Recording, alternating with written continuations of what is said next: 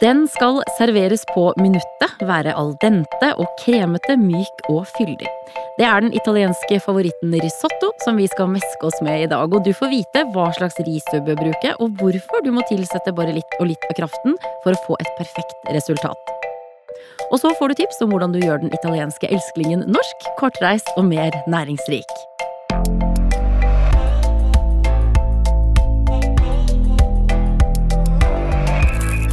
Velkommen til Matpratpodden, som i dag er den reneste risottoens eh, fanklubb. For her sitter det tre personer som alle tilhører den kategorien mennesker som alltid bestiller risotto på italiensk restaurant. Jeg er risottoelsker nummer én, Katrine Hude heter jeg. Og sammen med meg er risottoelsker to, Cecilie Maske, du er kokk i Matprat. Og risottoelsker nummer tre, det er deg, Therese Elstad, du er matfaglig rådgiver i Matprat. Hei! Ciao. Hei! Ja, det er jo ikke tilfeldig at det er vi tre som sitter her i dag, tror jeg. Det var litt rift om den sendingen her, men uh, veldig glad for at det ble oss. Ja, og jeg er jo, som du sier, altså en som når det er mulig å bestille eh, risotto på restaurant, så gjør jeg det. Det behøver ikke nødvendigvis være italiensk engang, men jeg syns at det er en, en god uh, kvalitetsmarkør på, på restauranten. Om den kan levere en skikkelig god risotto. Ja. Og så er det sånn at de risottoene jeg har spist, de glemmer jeg ikke. Mm. Eh, jeg husker stedet, jeg husker sola, jeg husker trøffelen og soppen. Dette er liksom matminner mm. Mm. som virkelig fester seg Ja, husker du den risottoen? Mm. Ja, det var der de hadde den der risottoen. Ja. Mm. Ja, jeg er, jeg er, veldig glad i risotto. Jeg har vært en del i Italia, som jeg har nevnt før. Mm. Uh, så jeg har bestilt en god del risotto i Italia, og det, det er liksom minner jeg aldri glemmer. Mm. Er, så jeg, jeg, tenker liksom på sommer og hvitvin og liksom en god risotto med med trøfler. Det er liksom min uh... Og masse parmesan. Og masse parmesan. Så godt. ja, det er fryktelig godt. Jeg, har, altså, jeg er jo uh, en olding med barndom i 60-70-tallet, så jeg kan jo veldig godt huske da hva vi fikk som risotto den gangen. Oh, ja. ja ja, for det var jo uh, Det skulle jo spises eksotisk mat da også. Ja. Og det var, det var, kokt ris blandet med stekt kjøttdeig og, og italiensk grønnsaksblanding. Oh. Og vi elska det! Vi syntes jo det var kjempegodt. Ja, så det var risotto ja, det du var fikk som barn? Ja, det var, jeg må jo si at jeg har vel antagelig avansert rimelig mye i både i smakspreferanser og Jeg føler deg litt lurt når, når du blir servert at det var risotto, når du nå vet hva du går i. Ja, eh, heldigvis. Min gamle mor lager ikke det lenger. Nei. Men jeg, jeg, Det var fryktelig godt den gangen, og, men altså en skikkelig, skikkelig ordentlig laget risotto er jo noe av det beste jeg kan få. Mm. Hvor kommer den i hovedsak fra, da, i Italia? Altså, risotto kommer jo fra Italia, det mm. vet vel alle. Og risen da også blir dyrket i Italia, på, mm. på Posletten, ganske langt nord i Italia. I områdene som heter Piemonte og Veneto og Lombardia. Mm. Og, og, det er ulike ristyper som, som de dyrker der, eh, som har det til felles at, at de er de er runde, det er mm. runde korn, de har eh, mye stivelse, og de har evnen til å absorbere mye væske. Og de eh, rissortene som de dyrker i Italia, heter arborio, carnaroli og eh, vialone nano.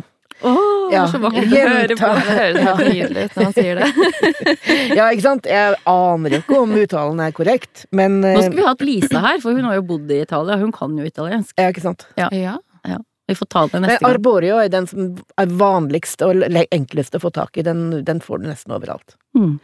Og dette er jo uh, ristyper man får tak i i litt større uh, butikker. Mm. Uh, eller spesialforretninger. Men hvis du ikke får tak i det, så kan man jo bruke grøtris. Selv om det ikke er noe vi liksom direkte anbefaler, så går det an. med en protest her nå. Ja. og det gjør nok mange, men det er mulig hvis man eh, absolutt ikke får tak ja, Hvis man får en eh, akutt uh, risotto-behov på hytta og ikke har mulighet til å få tak i noe annet, så går det an å lage mm. en hyfsat bra risotto på, på grøtris. Mm. Og dette er jo i hovedsak en forrett, ikke sant, i mm. Italia? Ja, det regnes som en, en forrett. En primo piatto, som det også kalles. Og det er akkurat samme som, eh, som pasta, suppe og gnocchi osv. i Italia. Eh, her i Norge så spiser vi det veldig ofte som en hovedrett, eh, eller som tilbehør.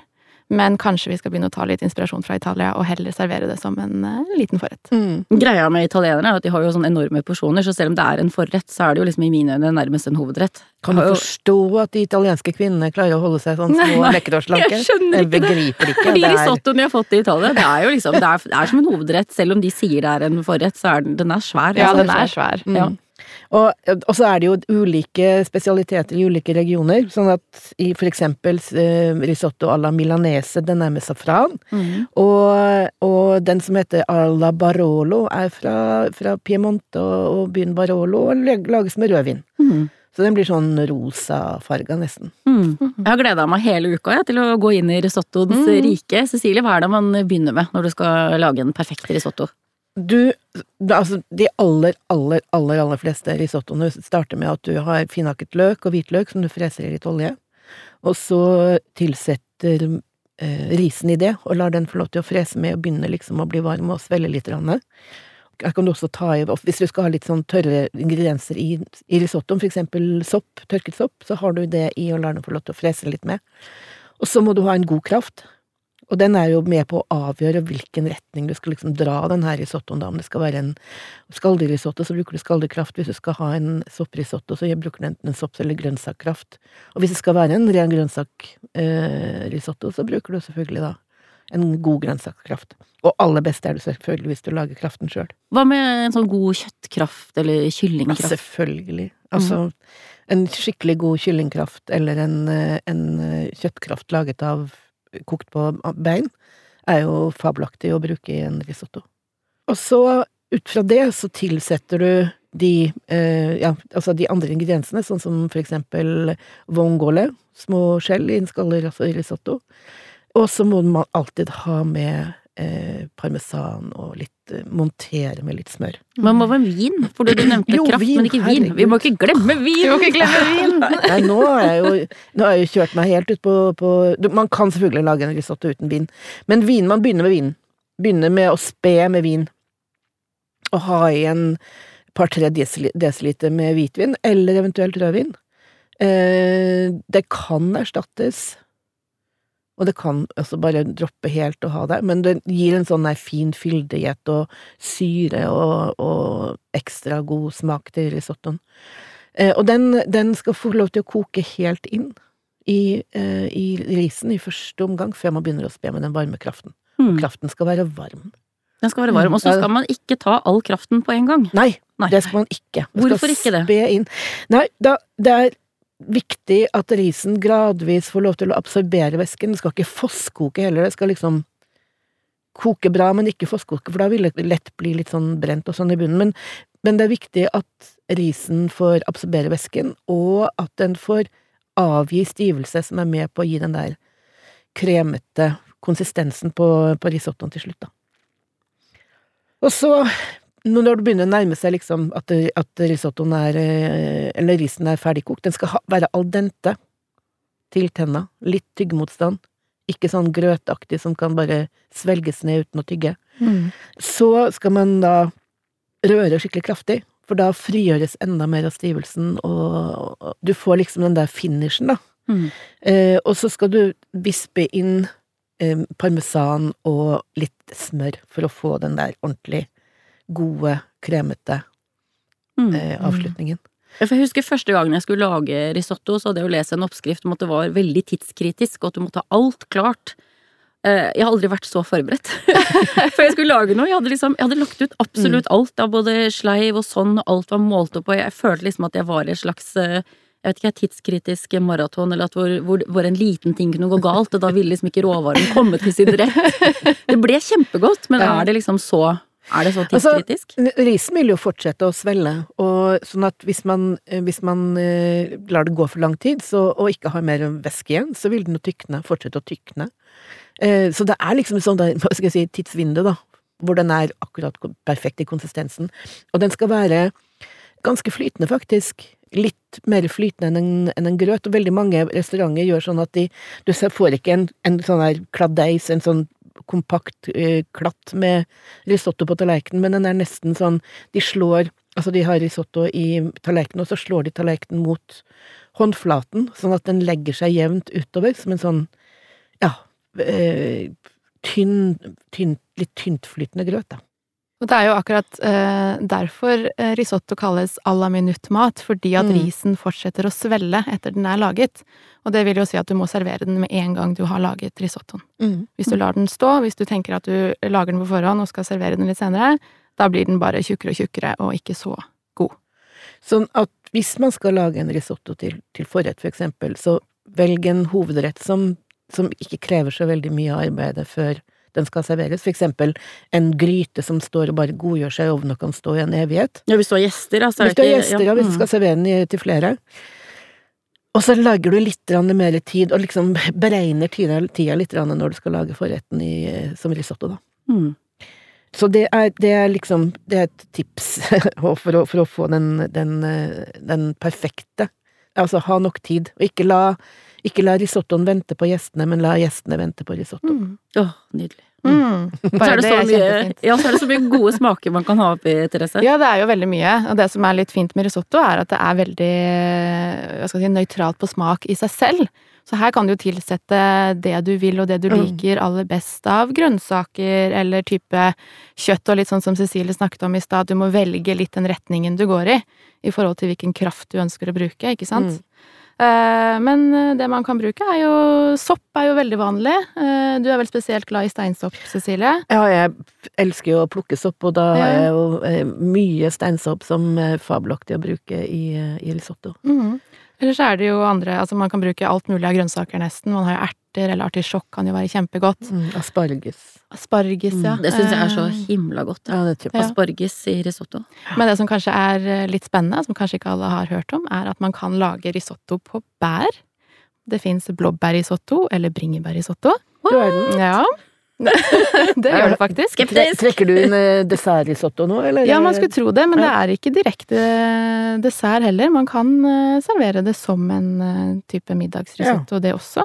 Kommer an på litt sånn retning man tar der Mm. også, om det er en litt søtere en, eller om du bare vil ha det som en ingrediens. Um, Jeg ble ikke helt solgt, altså. Jeg vil heller ha, ha, Ja, ha den det- klassiske men det varianten. Jeg å regner med at du man heller vil ha trøfler, ikke sant? Ja, jeg vil ha trøfler. Ja, for det er min favoritt, det sa jeg jo i tidligere i setningen Ja. også. Men Ja. er det sånn at uh, eh, trøfler Er det sånn at du må rane en bank før du anskaffer trøfler? Trøfler, vi har jo ikke trøfler i Norge. Nei, Jeg har ikke akkurat. funnet noen trøfler i Norge. Uh, så Og det er jo kostbart. Altså, det er jo virkelig Man må legge ned litt innsats for å få tak i det i Norge. Eh, og de koster fra 10 000 kroner kilo og oppover. Ok, så rane en bank først, da. Ja. Ja. Mm. Men det er nesten billigere, da, å ta seg en uh, Ja. Kan Det er, nesten, det er nesten billigere og finere, vil jeg si. Altså, da får du opplevelsen og ja, Ta deg en tur til Italia og kjøpe en trøffel. ja. Ja. Eller to. Kan få litt stemningen ved å gå og se den fantastiske filmen eh, med Trøffeljegeren i Piemonte. Ja, Ja, den har jeg ikke sett sett Ja, ennå. den den er helt nydelig. Ja. Men trøffelolje, da, er det et alternativ? Litt sånn Trøffelolje kan være et alternativ, men trøffelolje blir også ofte eh, framstilt eh, kunstig. Mm. Sånn at eh, da skal være ganske forsiktig, for den er veldig intens. Så det skal okay. ikke mer enn et par dråper til for å få den aromaen. Det du eventuelt kan gjøre, er um, å droppe litt av parmesanen, for den er ganske salt, og så har du på litt trøffelsalt når du serverer i stedet. Mm. Hva er trøffelsalt lagd av, da, holdt jeg på å si? Nei, det er salt og, og Tørka trøffel. sånn, tørket ja. trøffel, ja. Du får den samme aromaen der også. Og det er ikke så dyrt? Nei, det er ikke så dyrt. Ikke i forhold til en Nei. Nei, nei. trøffel. Nei. Eh, Vi i Matprat vi er jo opptatt av eh, bærekraft, mm. som innebærer at vi skal spise mer av eh, norske og, og kortreiste råvarer. Så hvis man da dropper den flyturen til Italia for, for å kjøpe trøfler, så kan man også prøve seg på en eh, ganske helnorsk eh, risotto. Mm. det kan man. Man kan jo lage risotto av f.eks. for eksempel bygg, og der har jo kanskje de fleste hørt om bigotto, som har blitt ganske kjent. Eh, Men man kan også lage det på havre eller spelt. Mm. Eh, Og det som er veldig fint med det, er at det er det er jo mer næringsstoffer i disse grynene enn eh, finkornet hvit ris. Så du vil automatisk føle deg mer mett, eller lengre mett, enn eh, enn du ville på vanlig, vanlig ris. Eh, og så er det jo da, som du sier, dyrket i Norge og bærekraftig og kortreist, som er Så smaker det faktisk veldig godt, altså. Mm. Det er eh, skikkelig godt med en sånn havrerisotto eller en bigotto. Tror du Mm. italienerne hadde liksom gått med på det? Jeg vil tro at de syns at det er helt eh, ok. De er så åpne og fine mennesker. vet du. Ja. Men om du skal lage en forrett, så, så, kan du bare lage en sånn helt klassisk, eh, klassisk type. Og det er jo mektig mat, altså. Det er jo masse, masse fett. Det er parmesan, og det er smør, og det er olje, og det er Du trenger ikke å spise risotto hver eneste dag, liksom. Du kan også lage en sånn type byggrynsrisotto eller havrerisotto, og så bruke det som tilbehør til, til kjøtt og fisk, for eksempel, eller som et alternativ til poteter. Og så Det er jo litt mer gøy eh, enn å bare ha kokte byggryn, og det, det, det, liksom Det gir litt mer, liksom? Det gir litt mer. Og det er samme fremgangsmåte på en Ja. bigotto eller en Ja. spelt, spel, speltotto? Men spilt Otto, ja, det var fin. Hva gjør man med restene, da, om man har lagd for mye? For det er litt sånn litt typisk meg, når jeg har noe sånn veldig godt som risotto på hjernen, at da lager jeg ofte altfor mye. Ja, ikke sant. Og det gjør nok ganske mange. Det viktigste da, siden det er ris, er å avkjøle det så fort som mulig, og bare få det inn i kjøleskapet så fort det er avkjølt. Fordi ris kan jo utvikle litt sånn bakterier som kan gjøre oss ganske syke, så der er det veldig viktig å ikke la risottoen bli stående på benken hele kvelden. Og det kan jo fort skje, hvis man har gjester, så blir den stående, men bare prøv å huske å avkjøle den raskt, få den inn i kjøleskapet, og la den stå der. Og om du har mye risotto igjen, så kan man lage det som heter arancini, altså ris, eh, risottoboller, mm. som er eh, frityrstekte. Eh, risotto Altså, de blir Du lager boller av den kalde risottoen, og, og, og ruller den i litt sånn um, brødraspe eller, eller noe sånt, og så frityrsteker dem, og det er fantastisk godt. Eller rispannekaker. Risotto al salto heter det.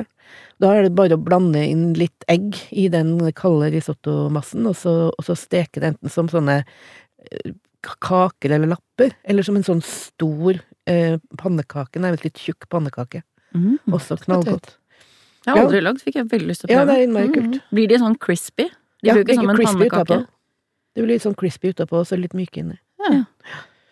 Eh, fantastisk. Kan frityrstekes, eller kan stekes i, eh, i stekepanne. Og selv om vi tenker på risotto som en en veldig klassisk italiensk rett, så finnes det jo veldig mange veldig lignende retter over hele verden. Ja, overalt hvor vi spiser ris, så lager de jo sånne retter hvor ris er blandet med andre ting. Det er alt fra fried rice i, i Kina til paella i Spania og jambalaya i USA. Eller nasi goreng. Altså, det er masse sånne, sånne forskjellige risretter, da, som, som blir kokt sammen med andre ting. Og det er jo, det er jo kjempegodt. Mm. Og det er jo eh, populært over hele verden med slike retter. Men det er ingenting, for meg i hvert fall, som slår en ekte italiensk risotto. Og hvis du som hører på har en favorittvri på din risotto, eller et bilde av den beste risottoen du har smakt, del det med oss, eh, tagg oss, eller bruk hashtag matprat. Ciao!